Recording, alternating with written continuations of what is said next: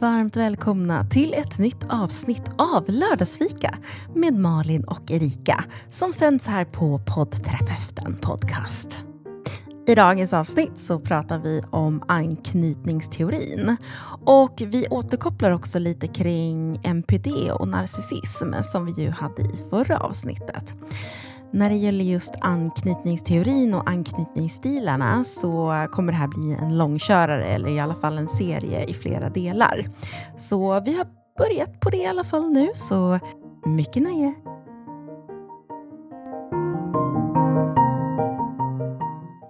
Varmt välkomna till ett nytt avsnitt av Lördagsfika med Malin och Erika! Ja! välkomna, välkomna, välkomna! Välkomna, välkomna! Hur är läget Malin? Läget är bra.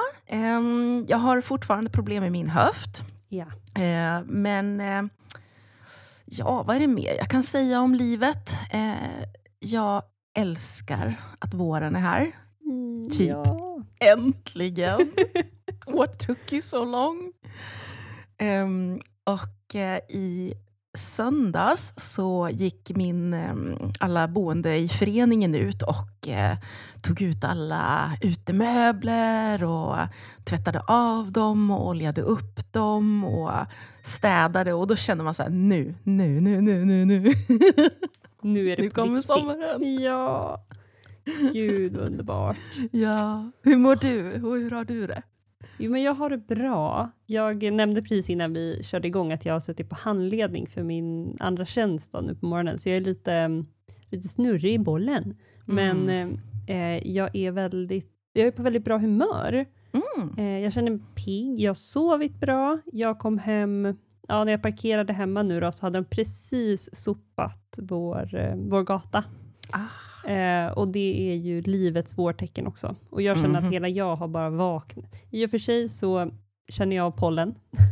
Eh, Jag med. Men, eh, Utöver, jag har fått mitt första, första myggbett. Eh, jajamensan, rakt på foten där min sko nuddar.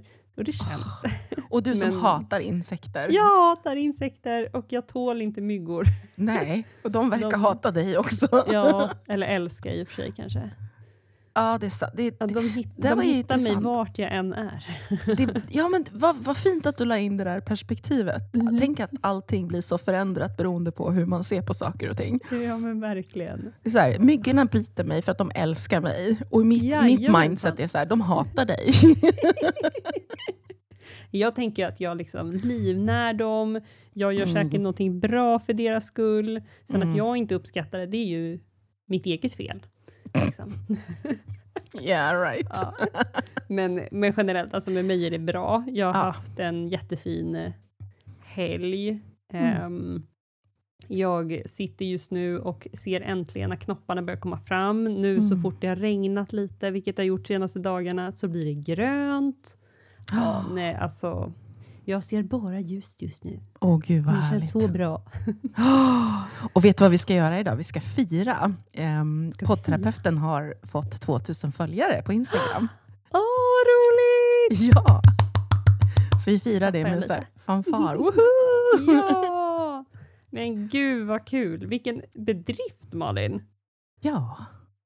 Alltså, det måste ju fett gått som en så här raket, raketgrej. Och du har ju lagt ner så mycket engagemang och fokus på det här. Mm. Vi har ju följt varandra länge, Mm. men jag tycker att det är coolt att man börjar se så är det väl egentligen med alla. Ju längre man håller på med det, ju mer bygger man ju in sitt eget, sitt eget stuk på Ja. något sätt. Och det märks ju att, och jag tänker att sociala medier är ju så häftigt, för du kan ju alltid förändra ditt, hur du gör det och vad du gör. Ehm, men det känns hela tiden, varje ny så här förändring du gör i dina poster blir så himla ännu mer rätt, känns det som. Ja, vad upplever jag. coolt. När jag Ja. ser, nu vet ju jag din tanke så bakom poddterapeuten. Och det Mm. tror jag att många av de som följer dig också gör. Så det känns bara så här, ah, ja men det där var ju perfekt. Ah, ja men de där färgerna, självklart. Ja.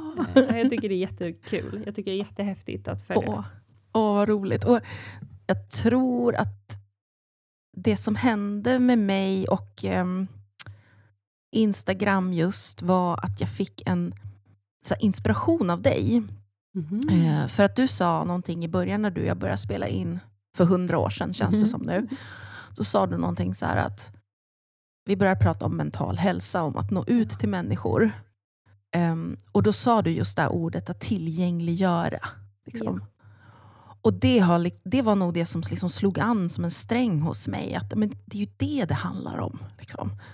Det handlar inte om att jag sitter och, på kammaren och lullar runt. Liksom, Mm. utan jag vill tillgängliggöra, pay it forward, det jag kan. Ja. ja, det är något speciellt med det. Alltså, jag älskar Ja. också den... Alltså göra saker användarvänliga, göra Ja. saker tillgängliga, göra saker förståeliga. Ja. Alltså, vi lever ju i byråkratiska världen, liksom. Mm. med att det ska vara så svårt som möjligt, för det, ja, då hamnar man på höga hästar. Men där Ja. vill vi ju inte vara. Då fattar vi inte vad vi håller på med. Svårt Nej, att känna verkligen. meningsfullhet i det. exakt. Och jag tänker mycket på det där liksom att vi alla är ju bra på saker och ting. Och det här är någonting som jag är bra på. Och om det kan uppskattas om det kan ge mening för någon annan, då ger det mig mening. Ja. Gud vad ballt. Åh, Ja, åh, jag Det är ballt. Vad mysigt. ja. Och det var verkligen det där som du sa, det med att tillgängliggöra. För att, att dela med sig av någonting. För det, det är ju rätt generöst, alltså både du och jag har ju det i oss, att vi är väldigt generösa också med att dela med oss.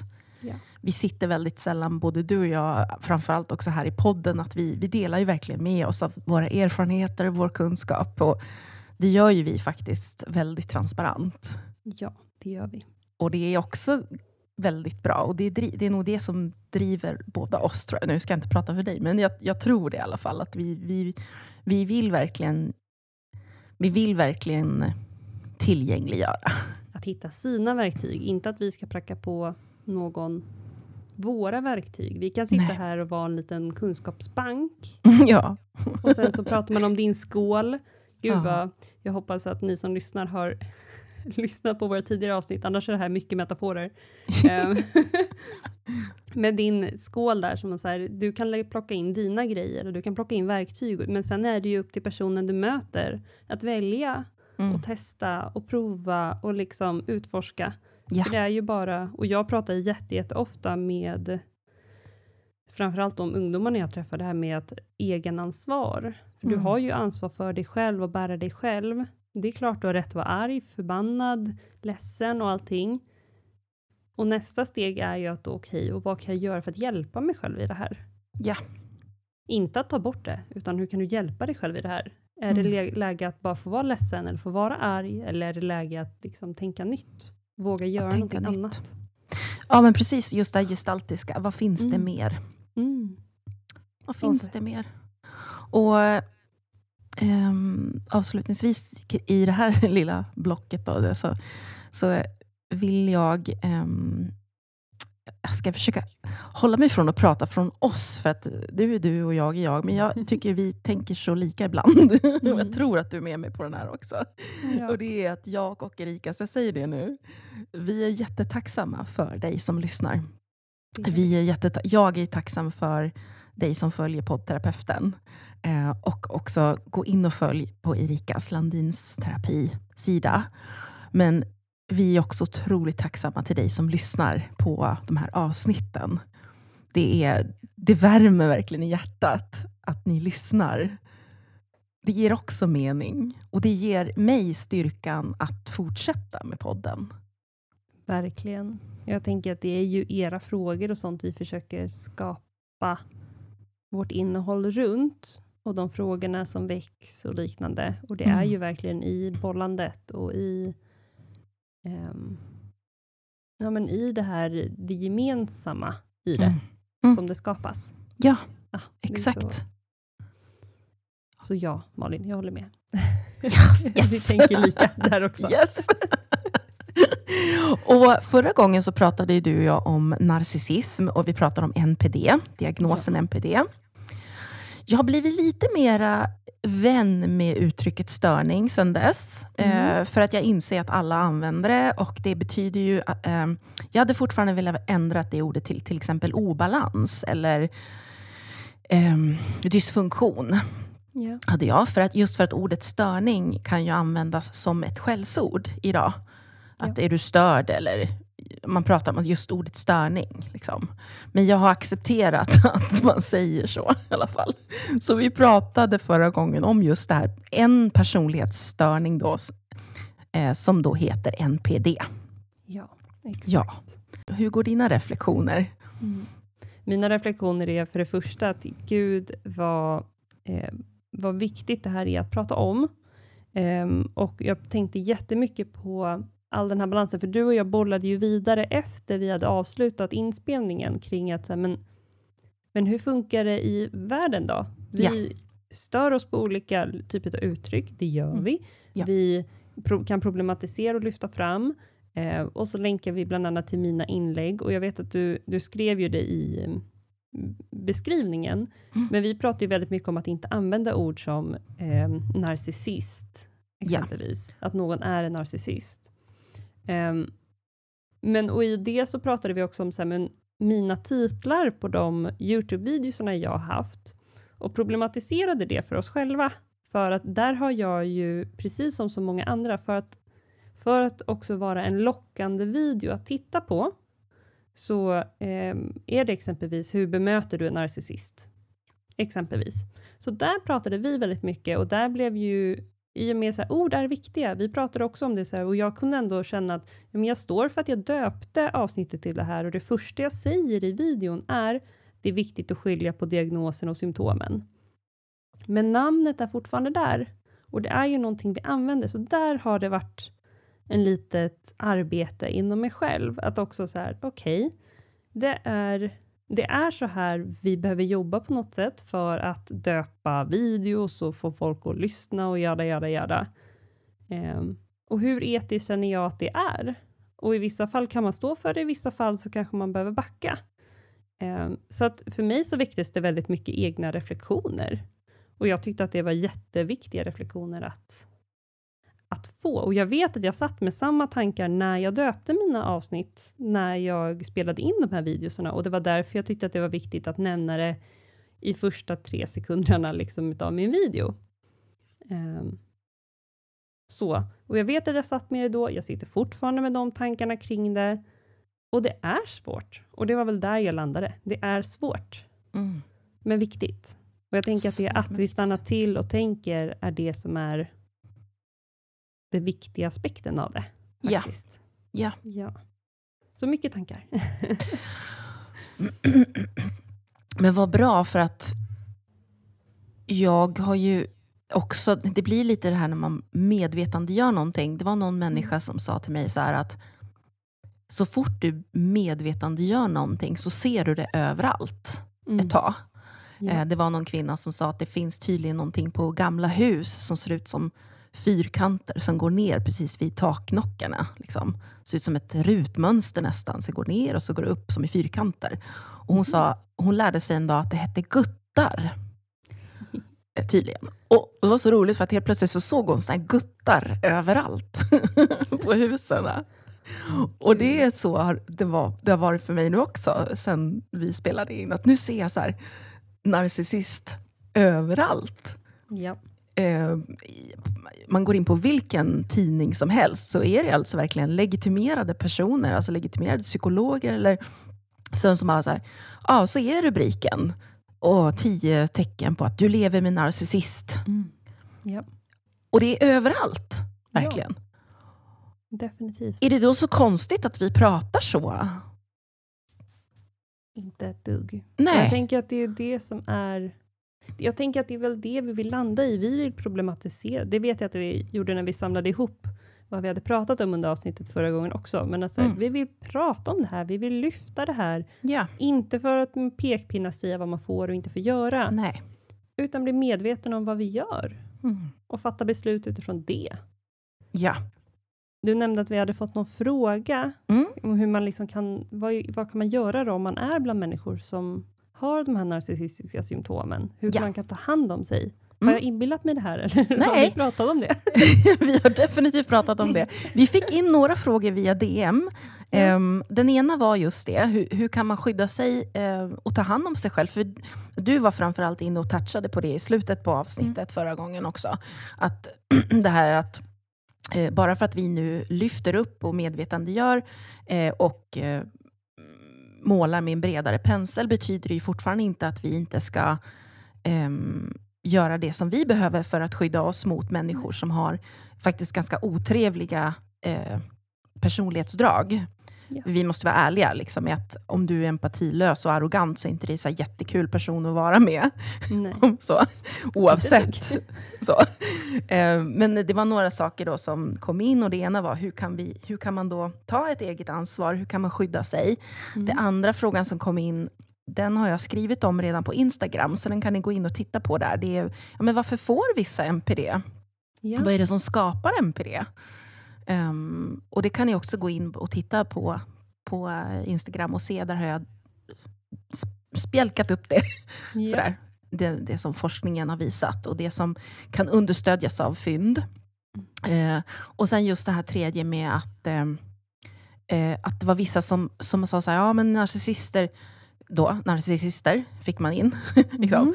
ja, men de, de, de bara vill göra en illa. Liksom, så. Mm. Men då, då, det finns ingenting i de här nio NPD-dragen som säger att pers personer med narcissism, att de njuter av att göra illa andra. Nej. Det, det ingår inte i den diagnosen. Det Eh, tror jag är en jätteviktig aspekt. visst är det? Ja. För det är finns diagnoser individuellt. med personer som, som gör det, nämligen. Det finns de diagnoserna. Där det finns personer som faktiskt eh, njuter av att se att andra far illa. Mm. Ehm, men det ska vi inte prata om idag. Men narcissism och NPD är inte en av de diagnoserna. Det tror jag är jätteviktigt att komma ihåg och att det inte heller är något självvalt. Ja, Ehm, men jag tänkte om man går tillbaka till den här, den här första om hur man kan ta Ja. hand om sig. Ja. Um, apropå att du, du hänvisade till att man kunde läsa lite mer om eh, den här frågan två som kom in eh, via ett inlägg som du har. mm. Eh, så kan jag också hänvisa till att jag har, jag har som sagt videos på Youtube som handlar om just narcissism. Och bland annat så finns det en som handlar om hur man kan ta hand om sig om man liksom är bland människor som har de här tendenserna. Mm. Jag tänkte jag skulle kunna dra dem snabbt. ja gärna. Ehm, och jag, i den videon så delar jag upp det här i tre områden.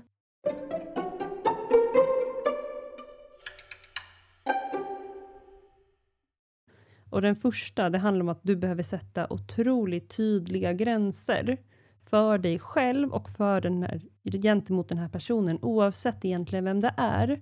Om det är exempelvis en kollega eller en förälder eller någonting. Och när jag menar att du behöver sätta tydliga gränser, då är det liksom ett stort T. Du behöver liksom säga att nej, jag tänker inte göra det här. Nej, jag går inte med på att du behandlar mig på det här sättet. Och du behöver verkligen stå fast.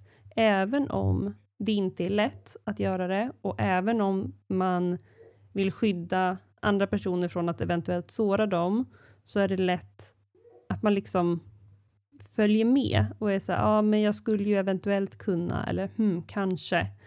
Utan du behöver vara svintydlig och även om du inte litar på dig själv eller känner dig så pass säker på din sak, så kan man ibland behöva fejka den här förtroendet för dig själv och sätta de här gränserna ändå. Eh, för det är inte alltid att man känner sig att så här, jag är helt hundra på att det här är ett dåligt sätt att behandla mig, men jag känner att det inte känns bra. Då kanske du faktiskt behöver dra upp knappen lite och säga att nej, jag går inte med på att du behandlar mig på det här sättet. Eller jag tänker gå och träffa mina vänner ändå, även om du inte tycker att jag ska göra det. Eh, Får jag flika in en sak där? Ja. Jag har ehm, sett eh, att det finns två olika sätt att man kan säga nej på rent med huvudet.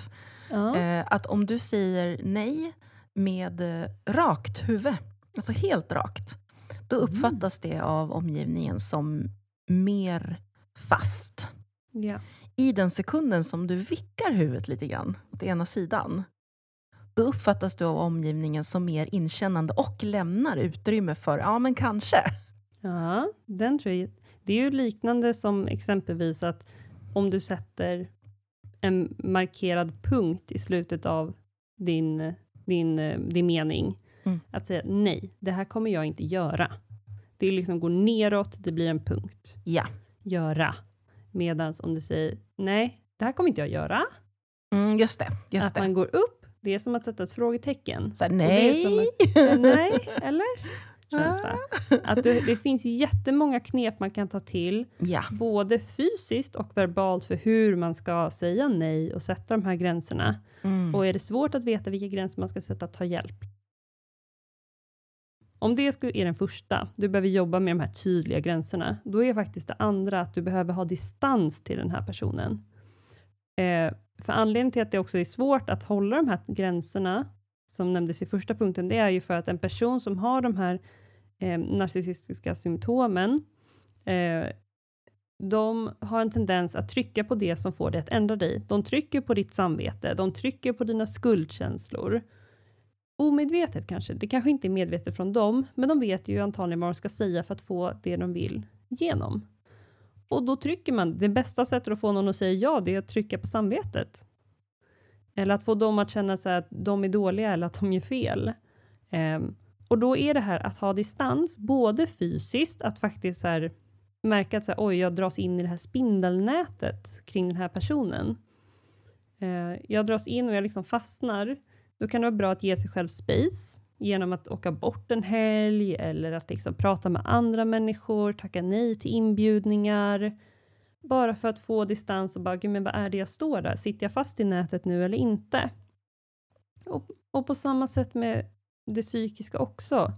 Att, eh, att ta reda på, sitter jag fast i nätet eller inte? Kom ihåg att du är en egen person, för det har man också en tendens, man liksom giggas ihop med den här personen och den här personen blir väldigt, väldigt viktig. Att man prioriterar dem framför sig själv eller att man, liksom, man glömmer bort att man är en egen person eller säger som vi vet så tycker vi ju det här är jobbigt. Så man dras med liksom. Um, eller att man själv, att man får en upplevelse av att jag har ansvar för att hålla dig glad eller det är mitt ansvar att du inte ska vara ledsen. Det är inte ett dugg ditt ansvar att lösa någon annans mående. Så man behöver distans, fysiskt och Ja. psykiskt. Och det där är så himla svårt. Jag människan. tänker på det relationella inom gestalt. Där, där ser man ju olika sätt hur man, hur man, ehm, hur man är med andra människor. Att Mm. är, är det vi? Är det jag? Var är gränserna? Och Mm. att det är väldigt vanligt att... Jag, menar, jag gjorde ju det i början till exempel här när jag pratade för oss. Liksom. Mm. Det är jättevanligt, alltså det är en av våra, våra sätt att kommunicera med andra. Det är Ja. att ibland prata i vi-form och att hamna då i den här konfluensen med den andra. Så här, nu gör vi det här. Och det är Exakt, någonting det som är både... Liksom. Ja, det är gemensamt, det är någonting. Men det här kan utnyttjas av eh, Exakt. personer med MPD. För de, precis som vi var inne på, en av de här, att, eh, att, att eh, relationer exploateras för att Mm. uppnå de här tidigare diag diagnoskriterierna. Precis. Ni får gå tillbaka och lyssna på första avsnittet om ni, om ni känner er som fågelholkar nu. ja. Eller titta på Erikas filmer. Ja, men glöm inte att det är ju... Det är, alltså, backa inte så pass mycket att man aldrig kan prata i vi-form, för det är en alliansskapande sätt att prata. Liksom. Men du behöver vara uppmärksam på när en annan människa utnyttjar det. För den sista punkten i det här, det är faktiskt att också hitta sätt att komma ihåg att det här är inte ditt fel. Det är alltså att när någon trycker på ditt samvete och dina skuldkänslor, att du kan inte påverka och förändra den, här person, den andra personens mående. Du har bara ansvar för ditt eget. Sen har du ansvar över att vara respektfull mot andra människor och liknande, men du är den enda som har ansvar för att ta hand om dina känslor. Så det är inte ditt fel att personen tycker att eh, du är elak för att du inte hämtade barnen i tid, eller för att du glömde laga middagen, eller för att du är en dålig kompis som inte ringde där på lördagskvällen för att du skulle vara med några andra. Vad det än kan vara, eller att du är en dålig dotter för att du inte ringer mig. Alla de här olika sakerna som kan komma upp, det är inte ditt fel, för du har inte ansvar för någon annans mående och deras beteenden. Och det är inte okej att du fastnar i det nätet, att det känns som att jag har ansvar för att få dig att vara lycklig. för det är inte ditt ansvar. Och när jag säger de här sakerna, jag vet att det här inte är lätt, så ta hjälp. Prata med andra, ge dig själv distansen, se till att vara tydlig, skriv ner dina gränser på ett papper. Liksom. Allt du behöver göra för att faktiskt lyckas göra det här. Och det är inte lätt, för då hade vi gjort det. Det, ja, men, eh, åh, det där var så himla bra. Det är inte lätt, för då Mm. hade du gjort det. Ja. Och ibland kan man verkligen också behöva ta stöd i det där. Det var så himla bra. Det kom Mm. till en sak för mig igår. Ehm, Jag får ju såna här aha moments ibland när det bara liksom kommer till mig meningar. Sådär. Mm. Och igen, utifrån allt det du säger nu, det är inte så himla viktigt egentligen hur, hur det är. Jag tror Nej. också att vi fastnar igen i det här med att vi, att vi ska diagnostisera oss själva och andra och omvärlden. Så här. Det är inte viktigt om personen har eh, narcissism eller om den är X, Y och Z. Liksom. Det är inte viktigt hur det är. Det som är viktigt är hur du har det. Exakt. Den var jättebra.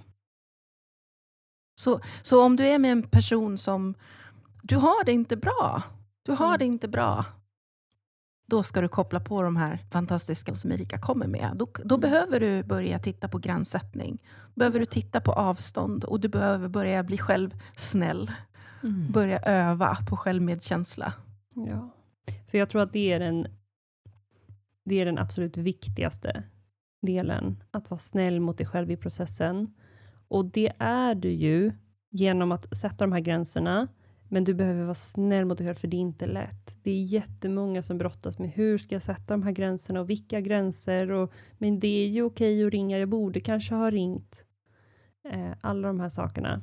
Ja, det är klart att det är jobbigt, så du behöver vara jättesnäll mot dig själv i processen och att det är okej att inte lyckas sätta alla gränser på en gång. Gör lite i taget och många gånger, det är någon sån här siffra jag fick med mig för massa år sedan. Många gånger när du byter beteende gentemot någon annan så krävs det att du exempelvis säger nej ungefär tre gånger tills de andra har fattat det. Det kanske är svårare kopplat till någon som har narcissistiska drag, absolut. Men det är oftast inte mer än ungefär tre till fem gånger som du Mm. behöver markera ett nytt ställningstagande innan andra fattar läget. Ja.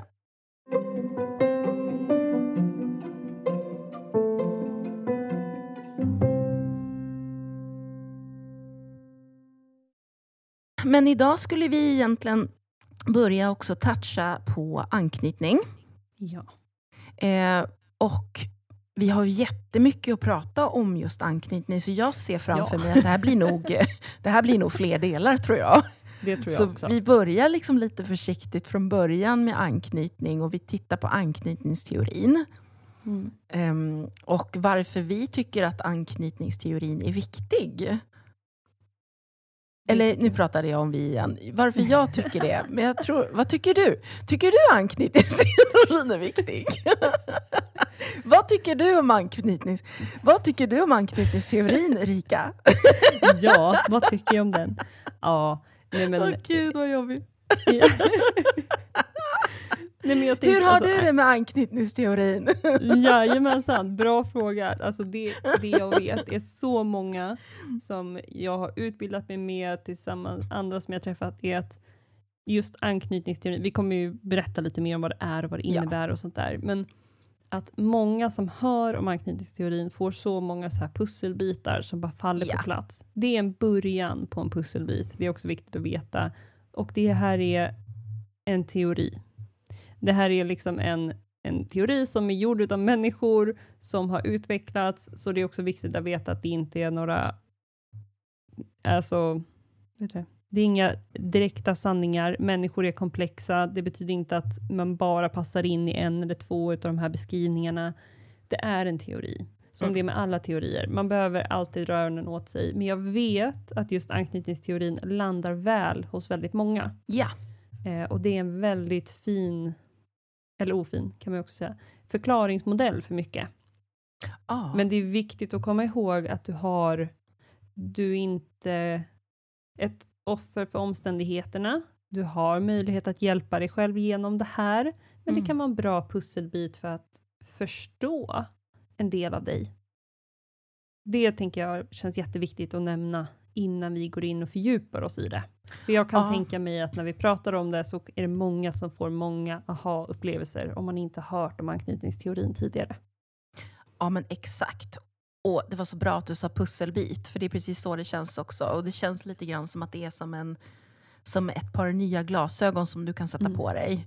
Ja. Ehm, och då ser du saker utifrån de nya glasögonen i något nytt ljus som kanske har någon speciell färg. Men det är som du säger Erika, det här är också bara en, det är bara en teori. Och Mm. eh, du är inte din, du är inte din anknytningsmodell. Eh, du är Nej. inte heller det här. Vi, vi är noga nu med att liksom, du är inte din diagnos och du är inte din anknytningsstil heller. Exakt. Och den kan förändras. Ja, du kan ha olika anknytningsstilar med olika individer. ja. Det kan också vara bra att komma ihåg. Och du kan ha olika anknytningsstil, alltså du kan ha alla.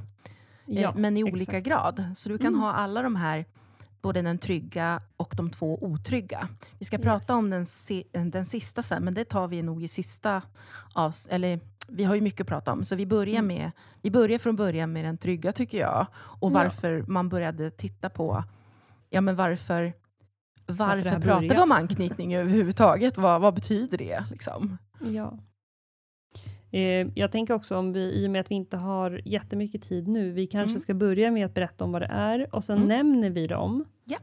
alla, men Ja. att vi väljer att börja med det trygga. Ja, så. Mm. Jättebra. Vill Ja. du kicka om eller ska jag kicka igång? Vad känner du? Eh, Jag tror att vi båda sitter med hyfsat lika info. det tror jag eh, också. Det kan jag tänka Ja. mig. Men kör du, börja du. Ja, absolut. Vi tar Ehm, från början, vi börjar på 1950-talet. Exakt, Typ. mitten av 1900-talet där någonstans. Då, Ja. då fanns det en snubbe som hette John Bowlby. Ehm, och du får jättegärna fylla ut om det är någonting jag missar att prata om. Men han eh, började intressera sig för hur människor liksom knyter an till i alla fall sina omsorgspersoner. Och det här märkte han på massa olika sätt medan han liksom forskade och liknande. Eh, men det han undersökte, summa summarum, var i alla fall hur barn knyter an till sina omsorgspersoner. Och omsorgspersoner, det är oftast en mamma och pappa eller den familjeuppsättning man har. Så det brukar ofta vara föräldrar. Eh, men det behöver inte vara det. Det kan vara de personerna som fanns omkring en när man växte upp. Det kanske är farmor och farfar eller något annat. Det kan vara en fosterförälder eller ett specifikt syskon som tog hand om en. De, den, den eller de individerna som hade hand om dig när du växte upp. Framförallt då kanske under de första åren. När, innan du har det talade språket och liksom förståelse för världen. Själva hans grundtes, det var ju det där med att han, Mm. han undrade vad händer med barn som ehm, blir frånvarande från sin anknytningsperson under en längre tid. Det första som händer med barnet är att det blir en protest. Och de tittade på barn mellan ett till tre års ålder. Så först blir det en protest. Och sen kommer det eh, förtvivlan. Och det som händer i nummer tre är detachment. Alltså, vad ska man säga på svenska? Ja, Ehm, Detachment, sa du det? detachment. På Ehm, något typ av avbrott. Ja, Alltså, någon frånstötning på något vis. Ja. Sådär. Och det han då såg det var att när barnet sen fick tillbaka sin anknytningsperson då kunde barnet börja anknyta igen. mm. Ehm, och, så det hände någonting i det. Så hans, hans f- teser och hans forskning var ju det där med varför blir det så starkt hos barnen? Och det är ju just att det kommer utifrån vår evolutionära eh, utvecklingsmiljö eh, miljö helt enkelt. För att Ja. när vi då för, alltså, när vi utvecklades så, så blev vi då inte...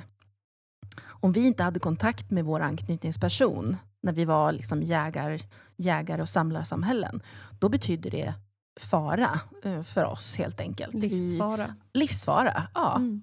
Det var liksom, antingen är du med din anknytningsperson eller också är du död. Ja. Och vi har inte förändrats så mycket rent biologiskt, alltså evolutionärt, sen, sen dess. Nej. Det här finns kvar hos oss, i oss. eh, den här känslan av den här faktiskt överlevnadsmekanismen. Ja. Att det är livsfarligt om anknytningspersonen försvinner. Och det var ju liksom det han, det var ju hans grundtes, att någonting händer. Ja, Men precis. det jag vet som utvecklades, man gjorde bland annat ett väldigt oetiskt, nej jag vet inte om det är oetiskt, men jag tror att det är oetiskt nu, forskningsexperiment när man faktiskt då plockade bort eh, omsorgspersoner från barnen Mm. eh, och kollade på hur de reagerade. Ja, Eh, både för det första då, jag tänker att det är det, det här experimentet du pratar om, att första, eh, ofta så i det här experimentet jag tänker på i alla fall, då är det mammor och barn. Det Mm. var inga papper inkopplade, utan det var bara mamma, barn. Eh, och de började med att de satt och lekte i ett rum. Och sen så reste sig eh, mamman och gick ut. Och sen var de borta under ett visst antal minuter.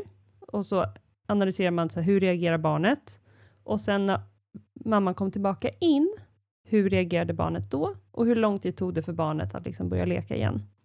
ja men precis. Och Exakt. här, det var ju här man då märkte de här fyra då, framförallt olika kategorierna som det föll in Ja. under. Och framförallt tre då. då. Eh, ja, för fjärde hittade man på 80-talet. ja. Nu är vi inne på nu är vi inne på, det första man, hans, hans forskning handlade om Mm. det här med att man skulle se att barnet hade en anknytning. Ja. Ehm, och att, vad, vad betyder det med barnet? Och då var det ju två saker. Att det ena var ju att eh, rädsla och det andra handlar om utforskning. Mm. Alltså de här två. Det, eh, trygghet för, för rädsla och det andra också har jag trygghet att våga utforska. Och Ja. sen, sen det man gjorde, det är precis som du sa, de här experimenten. För det här var ju långvarig frånvaro Mm. från anknytningspersonen, det Bowlby tittade på. Men Ja. sen gjorde de experimenten sen på 60-talet. var det någon kvinna som hette Mary Ainsley, tror hon hette. Mm. Och de gjorde de här experimenten och Mm. eh, då upptäckte de att, då trodde ju, och hon gjorde experimenten enbart för att koll, liksom egentligen bara understödja hans teorier. Ja. Att jo, jo, men det är så här. Men de upptäckte att barnen reagerade ju på olika sätt yes. utifrån anknytningen. Så det, det, är det, det var det som hände. Och då var det de här tre olika. Och det är ju då det trygga. Ja. Och sen så pratar man det otryggt undvikande. Och sen pratar man om otryggt ambivalent. Ja, Om man då börjar från början, det som, det som de kunde se, det var att de absolut flesta hade en ganska trygg anknytning.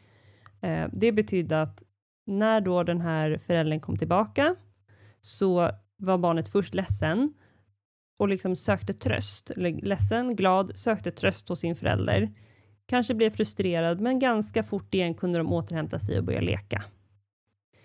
Eh, och det innebär att så här, då kunde föräldern ta emot det här barnet och kunna bemöta behovet av att den var rädd för att den blev övergiven.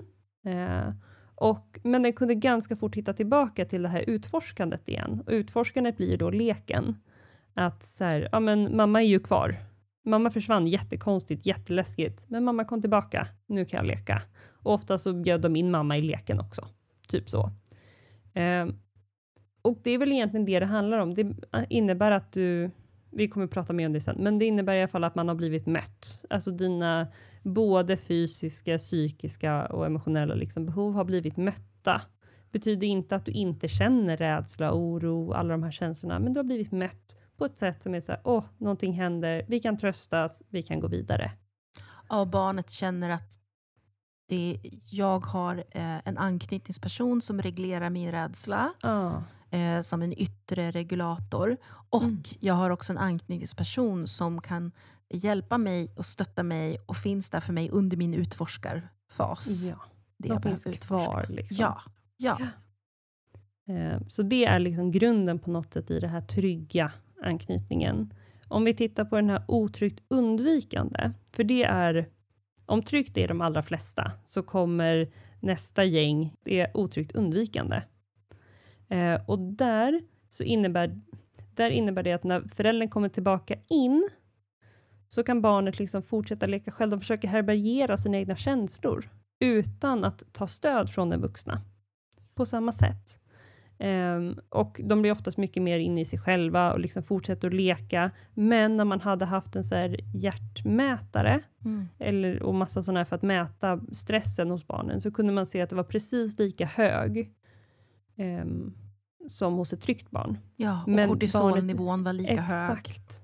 Men de, kunde fort, de visade inte det utåt lika mycket, utan Nej. de var lite mer timida, lite mer lugna, lite mer vuxen-okej. Ja, de, blev exakt. de liksom exploderade inte lika mycket i sina känslor. Ehm, det som jag i alla fall har funderat kring, kring det här, det är ju att man anpassar sig. Man använder sitt intellekt för att säga, okej, hur är det bästa sättet för mig att få omsorg och närhet? Det är att sköta mig, ta hand om mig själv, hålla ihop, lösa det här själv. Eh, och det kan du göra utan att ha hela den här teoretiska tankemöjligheten i dig, för en två treåring har inte det. Men vi har kunnat se att de ändå sköter sig själva på ett annat sätt. Det blir lite paradoxalt, för det blir ju det där med att eh, för att kunna anknyta så vara- undviker jag. För att det är genom att undvika som jag vet att jag kan få ha kvar min anknytningsperson. Barn är inte För- dumma. Nej, för många gånger så kanske det är så att du har växt upp med en förälder som tillgodoser dina fysiska behov. Du får mat, du får kläder, du får liksom allt det här du ska. Men blir du ledsen eller upprörd så kanske dina föräldrar eller din, din förälder drar sig undan. De Mm. orkar inte, de vill inte, de kan inte ta emot det där. Nej. Känsloutbrotten är liksom, det ger dig inte det du önskar eller det du behöver. Så du lär dig att dämpa det. Just För det. då är större chans att du kommer att få kramar, då är det någon som kommer fram och mm, puttinuttar om dig mer, Mm. Än om du skulle explodera med sorg eller ilska, för då blir Mm. det mer så här, oj oj, det där kan vi inte hantera, nu måste du lugna ner dig, skärp dig. Liksom. Ja, för igen så triggas ju prima, alltså primära Ja. existens eh, i din kropp som handlar om Mm. evolution eh, och evolutionsmiljön. Om det, det triggades igång i dig att det är så här jag får behålla min anknytningsperson genom att Ja. göra så här. Så det är ju ingenting som man eh, psykologiskt överlägger som barn. Det här är ju någonting som är verkligen primalt i oss. Exakt. Ja. Och det här drar ju med sig andra svårigheter när du växer upp och ska vara i relationer med andra människor och sånt. Men det tänker jag att vi också vi kan gå in på senare. det blir Ehm. jättebra fortsättning på det sen. Ja. Men om man tar då den här tredje, det är då den som är eh, lite färre personer har, men som finns. Och det är en Mm. otrygg ambivalent anknytning. Mm. Och ambivalent, ordet ambivalent, nu har inte jag exakta vad det betyder, men det innebär i alla fall att det är lite olika. Ja. Det beror lite på, ungefär. Det är som ett synonym på, det beror lite på. Det beror lite på. Ja, Man skulle kunna säga att det är nästan motsatsen till undvikande också. ja men exakt. På ett sätt.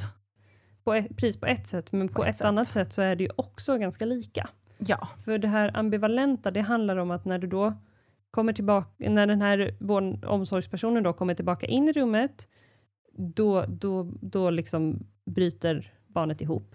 Eh, då blir det klängigt, det blir jätterädd, den gråter mycket, den liksom kräver mycket närhet och Mm. vågar inte riktigt släppa föräldern för att gå och leka. Mm. För risken finns att de försvinner igen. Just det. För det är ju det här som driver då. Om vi tänker att den undvikande, den puttar bort. Att den liksom tar avstånd för att få närhet. Medan den ambivalenta, den söker närhet och kräver närheten. Ja. Du liksom klänger dig fast. För att där har du antagligen haft en omsorgsperson som eh, ibland har gett dig allt den behöver. Det emotionella, det, känns, det är liksom fysiska, allt det här. Men ibland inte. Ja. Det har liksom berott lite på. Eh, och det kan ju vara åt olika anledningar. Det kan ju handla om att man kanske har ett, ett missbruk som gör att man ibland är tillgänglig och ibland inte är tillgänglig. Man Ja. kanske är utmattad. Man kanske ibland orkar möta de här vredesutbrotten som barn har eller ibland inte. Mm. Nu menar inte jag att det här sker bara för att man ibland inte orkar, utan när det blir systematiskt. Ja. Att det heller inte riktigt går att förutsäga när jag kan få närhet och när jag inte kan få det. Så den här otryggt ambivalenta barnet, den kommer hela tiden söka det för säkerhets skull.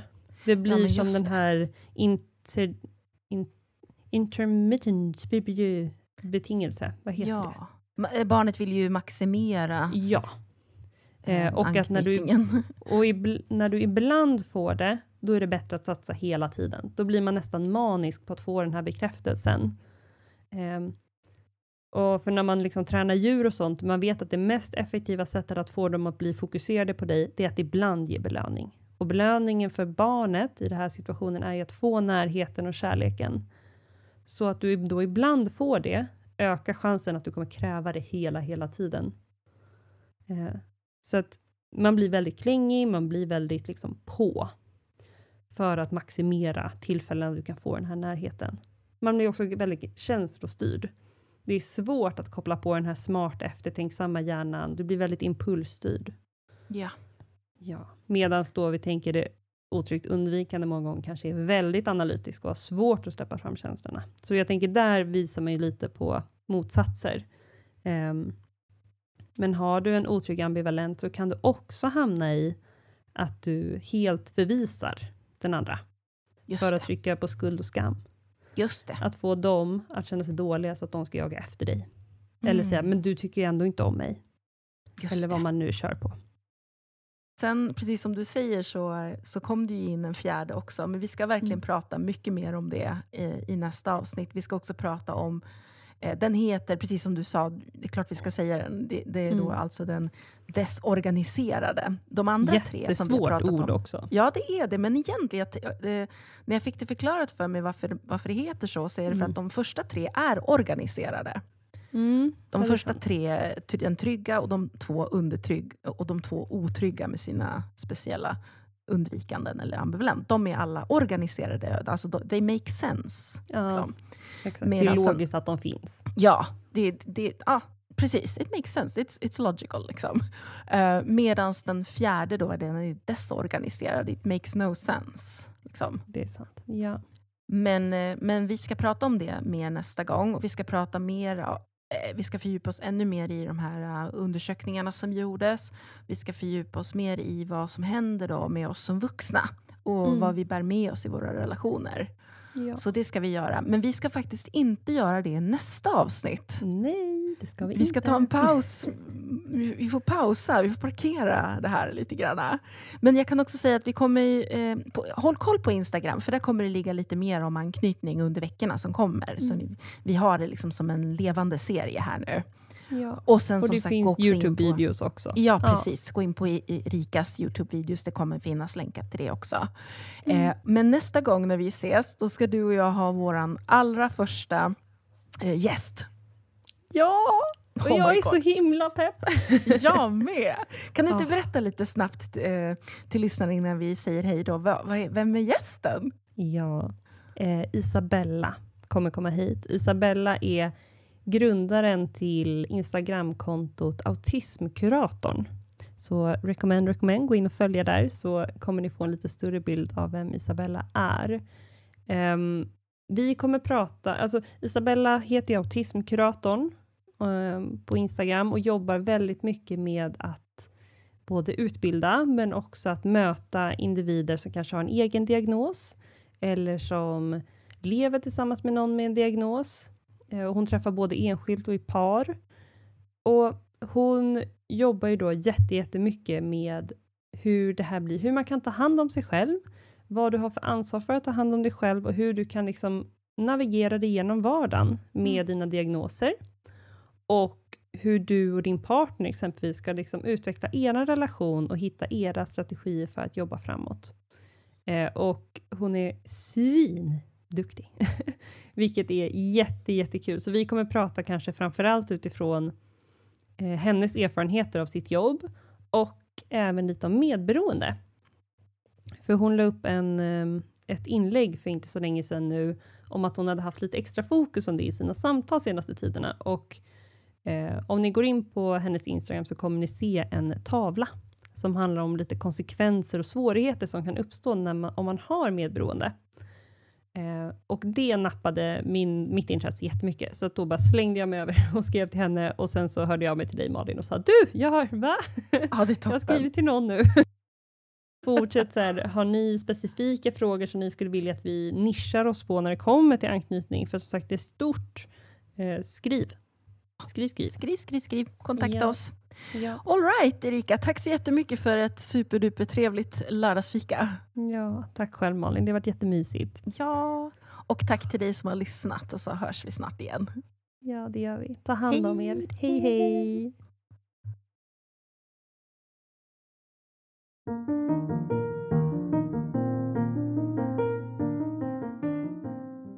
Ja, det där var allt för dagens avsnitt av poddterapeuten och framförallt lördagsfika med Malin och Erika. Tack Erika för ett jätteroligt och härligt och informativt lördagsfika. Glöm inte att dela det här avsnittet med era vänner, era nära, kära, familjen, ah, arbetskollegorna, grannen, you name it. Genom att du delar så växer podden och då kan fler ta del av poddens innehåll som ju är helt gratis. Nästa vecka, då blir det ett nytt samtal om. Och sen veckan efter det kommer Lördagsfika tillbaka och denna gång med en gäst. Och det ska bli jättespännande. Vi hörs snart igen hoppas jag.